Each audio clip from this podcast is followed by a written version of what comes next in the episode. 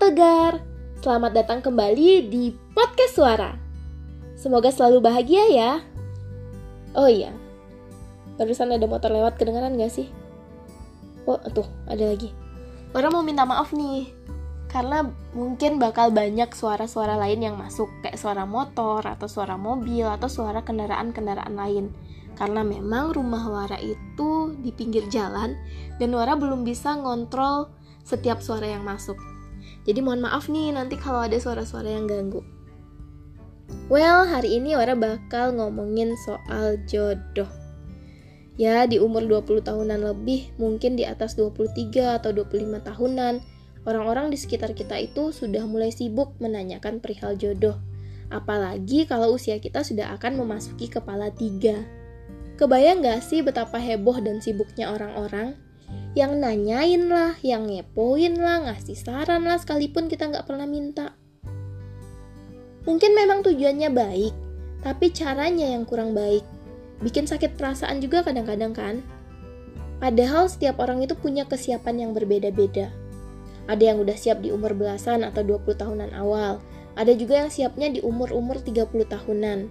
Tergantung kedewasaan dan kematangan juga sih siap secara fisik, siap secara mental, siap secara finansial, plus ada jodohnya. Bukan terlalu pilih-pilih atau apa ya. Cuma tentu kita pengen yang terbaik ya kan. Kita pengen yang benar-benar fit, benar-benar cocok, benar-benar sesuai sama diri kita. Kebayang gak sih kita bakal hidup sama orang itu seumur hidup kita? Kebayang juga gak sih kalau ternyata banyak karakter-karakter atau sifat-sifat yang gak bisa kita toleransi dan kita bakal harus terus selalu sama-sama sama orang itu gitu. Gimana coba rasanya? Syukur-syukur kita bisa oke-oke aja. Bisa fine-fine aja, bisa beradaptasi dengan baik dan bisa menoleransi itu. Tapi kalau enggak, jangan mentang-mentang semua orang udah maju ke level berikutnya, teman-teman kita udah pada menikah semua. Terus kita jadi ikut-ikutan dan mau menikah juga. Jadinya asal buka hati, jadi bucin, menerima siapa aja yang datang tanpa benar-benar tahu kita, tanpa kita benar-benar mengenalnya gitu. Aduh, jangan nambah-nambah masalah untuk diri sendiri dan jangan bawa PR untuk masa depan deh. Kelihatannya rumit ya. Mungkin untuk beberapa orang memang rumit, tapi untuk beberapa orang mungkin mudah atau memang mereka ketemu gampang ketemu yang cocok sama diri mereka. Nah, untuk yang enggak atau bisa sampai saat ini masih belum ketemu gitu kan yang sesuai atau yang klop sama diri mereka. Gimana coba? Mungkin kalau menurut orang memang belum jalannya atau mereka mereka memang belum siap gitu. Tapi ya kalau menurut Om Darius Terelie perihal jodoh ini memang gak rumit gitu. Beliau kasih nasihat ke kita ada 9 nasihat soal pernikahan. Pertama jangan menikah karena kesepian Jangan menikah karena orang lain udah nikah semua, terus tinggal kita aja yang belum. Tegar, menikah itu bukan soal tren. Dan bukan tren. Yang kita dengan mudah itu ikut-ikutan karena nggak enak, kelihatan aneh sendiri gitu kan. Jadi kita orang menikah, kita ikut nikah juga. Nah terlepas dari itu, banyak orang yang sudah menikah, dia tetap aja merasa sepi, tetap aja ngerasa sendirian. Yang kedua, jangan menikah karena alasan orang lain, misalnya karena orang tua gitu kan. Tapi menikahlah karena alasan kita sendiri. Jadikan itu patokan terbesar kita. Karena yang menjalani kehidupan berumah tangga itu ya kita, bukan orang lain gitu kan. Dan karena kalau besok lusa min zalik ya, kalau seandainya gagal kita nggak bakal menyalahkan orang lain. Karena nggak ada juga manfaatnya kan untuk nyalahin orang lain. Terus yang ketiga, semua pernikahan itu punya masalah. Bohong kalau ada yang bilang keluarga mereka itu baik-baik aja sepanjang masa. Terus kenapa sebuah pernikahan itu bisa awet? Karena ada yang sabar dan mengalah. Satu-satunya bekal pernikahan yang gak pernah kurang itu adalah sabar. Punya sabar segunung tetap kurang banyak, punya sabar selangit tetap kurang banyak. Jadi Bekalnya itu nggak harus mobil, rumah, peralatan dapur, atau yang lain-lain itu. Tapi rasa sabar. Kita harus punya sabar yang gak terbatas gitu lah. Terus yang keempat, kita gak pernah tahu siapa jodoh terbaik kita. Gak pernah ada alatnya, gak pernah ada aplikasinya, dan gak bakal ditemukan. Kita baru tahu itu setelah kita menjalani pernikahan tersebut. Dan rumitnya itu juga belum cukup. Banyak yang akhirnya juga berpisah kan setelah sekian lama menikah. Terus kapan dong kita baru tahu persis? Gak ada jawabannya. Nah, dengan situasi kayak gitu, kita jangan habiskan waktu dengan mencemaskan apakah ini jodoh terbaik kita atau bukan gitu. Kalau kita muslim, kita bisa tegakkan dengan sholat istiqoroh. Terus nanti kita bisa dapat keyakinan, bisa dapat kemudahan. Bismillah, kita jalani dengan mantap. Terus yang kelima, tidak ada jodoh yang sempurna di dunia ini. Semua orang pasti punya kekurangan. Ada yang ganteng atau cantiknya pol gitu kan. Ternyata kalau tidur ngoroknya seperti si Rine. Ada yang bertanggung jawab, yang setia, eh tapi pelupa. Tapi kita bisa bikin semua yang gak sempurna itu menjadi indah, jadi keren, jadi seperti pelangi, sepanjang kita bersedia menerima kekurangannya. Orang-orang yang sibuk memasang kriteria, kriteria yang sempurna untuk calon jodohnya, dia bakal hidup sendiri sampai alien menyerang bumi. Aduh. Gini-gini. Tapi kalau soal ini ya, menurut Wara ya, bukan memasang kriteria yang sempurna sih, tapi setidaknya ada hal-hal prinsipal yang kita pegang sebagai acuan atau landasan kita dalam memilih jodoh. Misalnya nih ya, kalau ternyata orangnya kasar atau pembohong, ya udah langsung kena blacklist kan? Kan kita bisa pilih-pilih lah ya. Selagi kekurangannya itu bukan di hal-hal prinsipal yang udah kita tegakkan itu, yang udah kita rancang itu, ya nggak apa-apa. Kenapa enggak gitu? ya kita bisa lanjut ke jenjang berikutnya tapi kalau ternyata yang kena itu di hal-hal prinsipal itu ya rasanya jangan dilanjutkan lah takutnya nanti di tengah jalan ternyata nggak sesuai atau nggak cocok gitu kan tapi tetap ya kita mesti tegakkan sholat istiqoroh supaya kita bisa dapat kemantapan hati dan menemukan oh iya ternyata ini orang yang benar gitu. Lanjut ya kita lanjutin. Ini poin yang keenam. Tidak ada yang tahu persis kapan kita akan menikah. Eh, yang masih kecantilan manja-manja ternyata besok lusa sudah menikah, atau malah punya anak dua. Yang terlihat dewasa sekali, sudah siap sekali untuk menikah, bahkan bijak banget bicara soal nikah, ternyata bertahun-tahun tetap sendiri. Maka, saat kita tidak tahu kapan jodoh itu akan datang, kita mesti fokus untuk memperbaiki diri sendiri. Nah, kalau kesempatannya datang, ingat nasihat lama, kesempatan tidak datang dua kali. Tapi kalau kesempatannya lolos atau gagal, juga ingat petuah orang tua. Akan selalu ada kesempatan-kesempatan berikutnya bagi orang yang sabar. Nah, yang ketujuh, pekerjaan tetap, mapan, dan lain-lain itu jangan dijadikan syarat mutlak untuk mencari jodoh. Itu betul. Sungguh menyenangkan kalau jodoh kita ternyata sudah mapan berkecukupan. Tapi akan jadi lebih spesial kalau kita sama-sama menjalani hidup sederhana untuk kemudian menjadi lebih baik setiap harinya. Lebih baik pastikan saja, semua pihak itu memahami tanggung jawabnya. Misal, tanggung jawab suami mencari nafkah.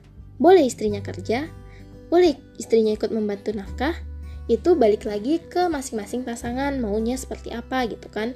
Tapi yang jelas, kalau istri bekerja, penghasilannya adalah milik si istri. Soal istri mau memberikannya ke keluarga atau tidak, itu urusan istri. Tanggung jawab mutlak tetap ada di suami. Nah, pemahaman-pemahaman kayak gitu penting. Supaya nanti bagi teman-teman yang laki-laki tuh yang sekarang sibuk galau-galau, apalagi sibuk tebar pesona, tahu persis nanti kalau udah menikah tuh cari nafkah itu tanggung jawabnya suami, bukan istri gitu ya. Nah, yang kedelapan, mencari jodoh itu tidak rumit Nah, tuh kayak yang bilang tadi itu kan Om Terelie bilang kalau mencari jodoh itu tidak rumit. Ini beneran loh. Menurut Om Terelie, mencari jodoh itu sederhana. Kalian bisa meminta orang tua mencarikan, karena itu juga salah satu kewajiban mereka.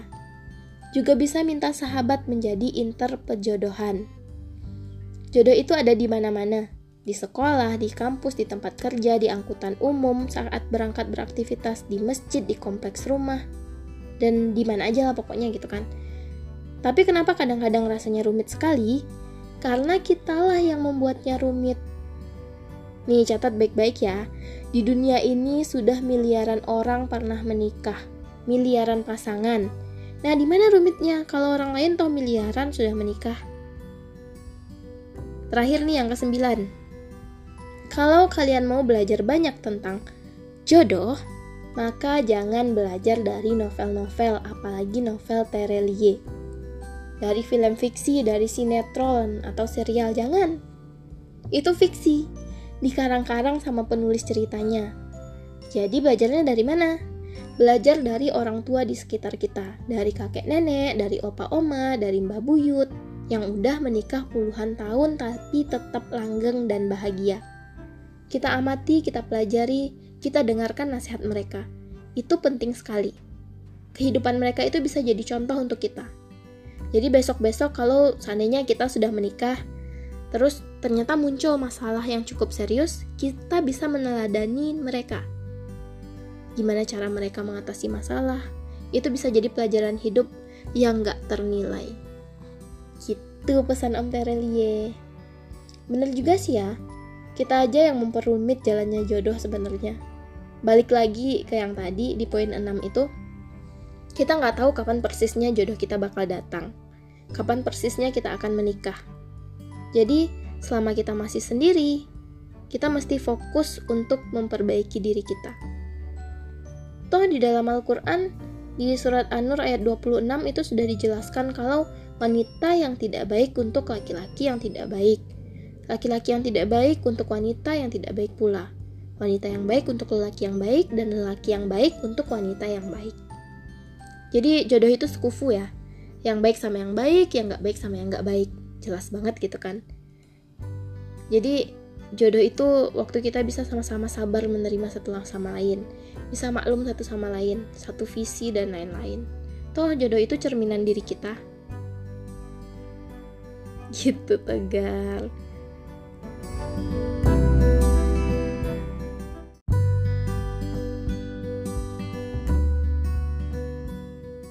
Nah, untuk yang udah ada jodohnya, terus akan memutuskan untuk menikah, ini ada nasihat dari Kak Firly, penulis buku Life as Divorce, mengenai pentingnya primary talks.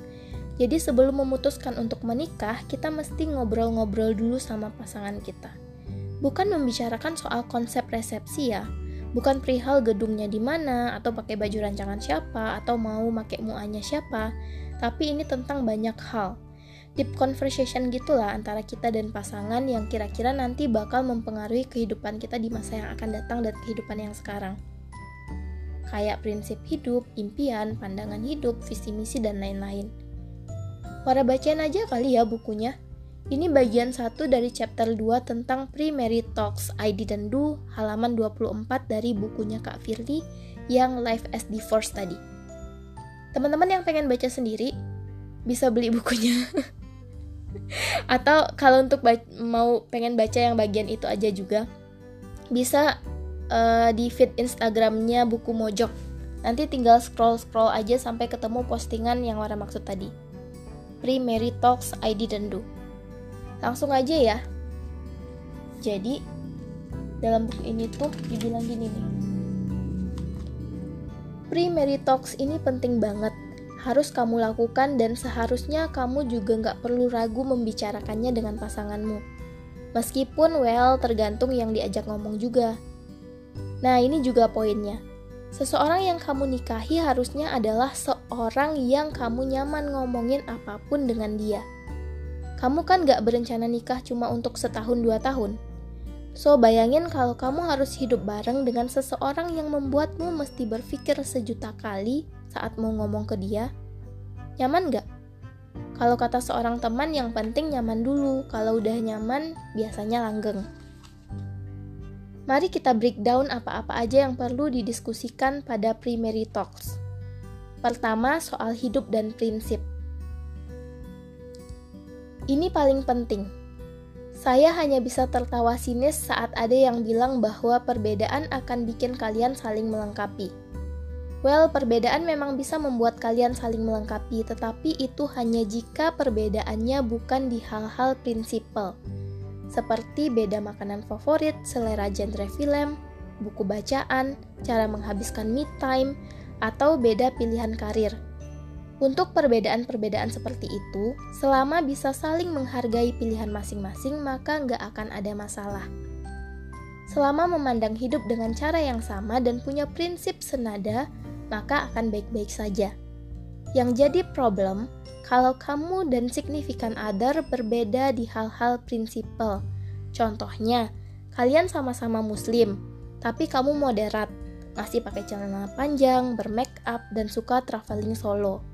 Sedangkan signifikan other lebih saklek, menganggap perempuan gak pantas pakai celana, haram pakai make up, dan big no untuk traveling sendirian. Contoh lain, kamu suka kebebasan, tetapi partnermu posesif. Buat kamu, privasi tetap penting, sedangkan menurut dia, privasi berarti ada yang ditutup-tutupi. Atau menurutmu perempuan dan laki-laki itu setara termasuk dalam hubungan pernikahan.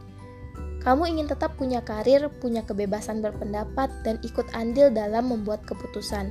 Sayangnya partner kamu tipikal patriarki sekali, menganggap perempuan adalah makhluk rentan yang harus selalu dijaga sehingga lebih baik di rumah saja dan hanya perlu menuruti keputusan suami.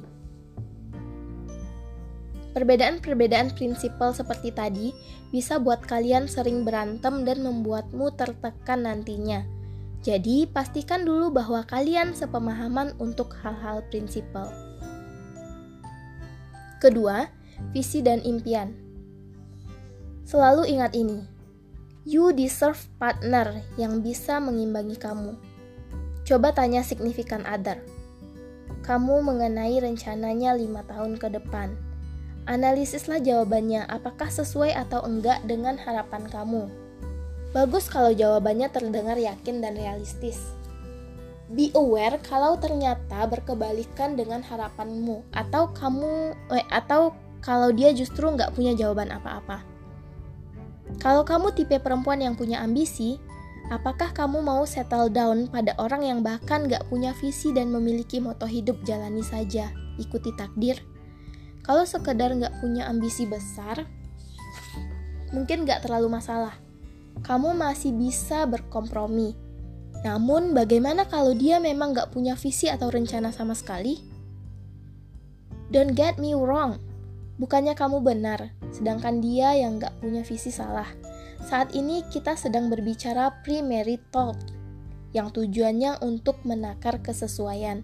Apakah kamu dan pasangan kompatibel untuk menjadi suami istri atau enggak? Ketiga soal anak. Ini penting banget. Sayangnya dulu saya nggak pernah membahas apa pun soal ini sebelum menikah. Saya memang gak suka anak-anak dari dulu dan gak pernah membayangkan suatu hari akan dipanggil mama oleh balita yang bagi saya hobi nomor satunya ngerusuh. Kamu perlu diskusiin perihal anak ini dalam primary talk. Misalnya, kamu gak pengen punya anak tetapi ternyata keluarga pasangan mewajibkan menantu harus bisa menghasilkan minimal tiga penerus nama keluarga. Atau sebaliknya, kamu mau punya anak sedangkan dia ogah Diskusikan juga perihal jenis kelaminnya karena bisa jadi kalian tidak mempermasalahkan jenis kelamin anak, tetapi calon kakek dan neneknya ternyata ingin cucu dengan jenis kelamin tertentu. Lalu bagaimana kalau sama-sama ingin punya anak tetapi di luar kontrol kalian? Salah satu dari kalian mandul. Apakah akan mengadopsi anak atau bercerai saja atau nggak masalah hidup berdua sampai tua? Jika adopsi, Apakah harus dari latar belakang, suku, agama, dan ras tertentu atau bebas? Bagaimana dengan opsi bayi tabung atau donor sel telur atau donor sperma? Masih soal anak. Kamu dan partner juga perlu diskusi soal siapa yang nanti mengasuh si anak. Hal ini terlihat sepele tetapi penting. Berdasarkan teori, kedua orang tualah yang akan sama-sama mengasuh anak. Tetapi pada prakteknya nggak sesederhana itu. Gambarannya seperti ini. Kamu kerja, dia kerja. Kamu butuh me time, dia juga butuh me time. Kalian berdua butuh us time. Jadi bagaimana dengan si anak? Mau pakai neni atau masukin daycare? Kalau neni perlu disupervisi nggak? Kalau perlu disupervisi, siapa yang menyupervisi? Bagaimana kalau kamu harus resign demi mengasuh anak atau dia yang akan resign? Diskusikan juga mengenai pola asuh yang akan diterapkan hingga rencana pendidikannya. Apa akan menggunakan gaya otoriter, demokratis, atau permisif? Nanti akan dimasukkan ke sekolah negeri, swasta, pesantren, sekolah internasional, atau mungkin homeschooling? Termasuk juga bagaimana kalian berdua akan mendukung anak ketika sudah gede. Apa akan mendukung passionnya atau kalian sudah buat track yang harus dipatuhi anak. Keempat, money talks. Mungkin bagi sebagian atau justru mayoritas orang diskusi terkait uang masih dirasa tabu. Padahal berdasarkan data Dirjen Peradilan Agama MA tahun 2016 sampai 2018, ada 28,2% perceraian yang alasannya seputar uang. Entah karena suami nggak punya penghasilan, pendapatan istri lebih besar sehingga suami merasa inferior, atau simply karena suami nggak memenuhi kewajiban memberi nafkah. Yes, masalah uang itu krusial sekali dalam pernikahan. Kalau saat ini kamu dan partner sama-sama punya penghasilan, maka perlu mendiskusikan bagaimana pengaturan tanggung jawab keuangannya. Gaji siapa yang akan dipakai membayar KPR? Berapa rupiah batasan budget untuk membantu keluarga? Kalau salah satu dari kamu punya tanggungan, apakah boleh punya tabungan pribadi? Berapa rupiah uang yang boleh dikeluarkan tanpa berdiskusi? Bagaimana kalau salah satu pihak kehilangan pekerjaan? Bagaimana kalau nanti kondisi keuangan sudah mapan? Apakah kamu masih boleh bekerja? Bagaimana kalau kondisi keuangan tiba-tiba memburuk? Apakah siap menyesuaikan gaya hidup? dan lain-lain termasuk juga merencanakan biaya pernikahan dan membuat perjanjian pisah harta. Kelima, tentang perceraian. Di sini kamu bisa mendiskusikan boundaries, apa yang bisa dikompromikan, apa yang nggak bisa. Contoh, kamu nggak menoleransi kekerasan fisik, partner kamu nggak menoleransi perselingkuhan atau sebagainya. Anything yang bisa lead to divorce Keenam, sex stuff. Well, topik ini rasanya agak tabu bagi sebagian besar pasangan Indonesia. Namun, menurut saya, perbincangan terkait ini perlu dilakukan. Intinya agar mengerti preferensi masing-masing. Apa kamu dan partner tipe konservatif atau adventurous, aktif atau pasif, dominan atau submisif? Bukan apa-apa, kalau kalian berdua sama-sama pasif dan lebih suka jadi submisif, nanti jadi enggak kompatibel. Itu dia 6 topik pre-marriage talks yang perlu saya yang menurut saya penting. Meskipun pre-marriage talks tidak serta-merta menjamin kelanggengan sebuah pernikahan, tetapi setidaknya kalian akan lebih mengerti satu sama lain. Ingat bahwa komunikasi adalah kunci. Ya, komunikasi adalah kunci penting dalam sebuah hubungan. Kamu dan partner hidup di dunia nyata, bukan pasangan di novel-novel yang bisa saling mengerti walaupun gak bilang apa-apa. Perhatikan juga bagaimana partner kamu selama berdiskusi. You'll see if he's the right one or not. Gitu. Jadi um, soal jodoh kita nggak tahu ya, tapi kita persiapkan diri aja dan fokus untuk memperbaiki diri. Terus lagi semoga yang belum berjodoh segera datang jodohnya untuk yang sudah punya jodoh semoga langgeng terus dan bisa selalu bahagia. Amin. Terima kasih sudah mendengarkan.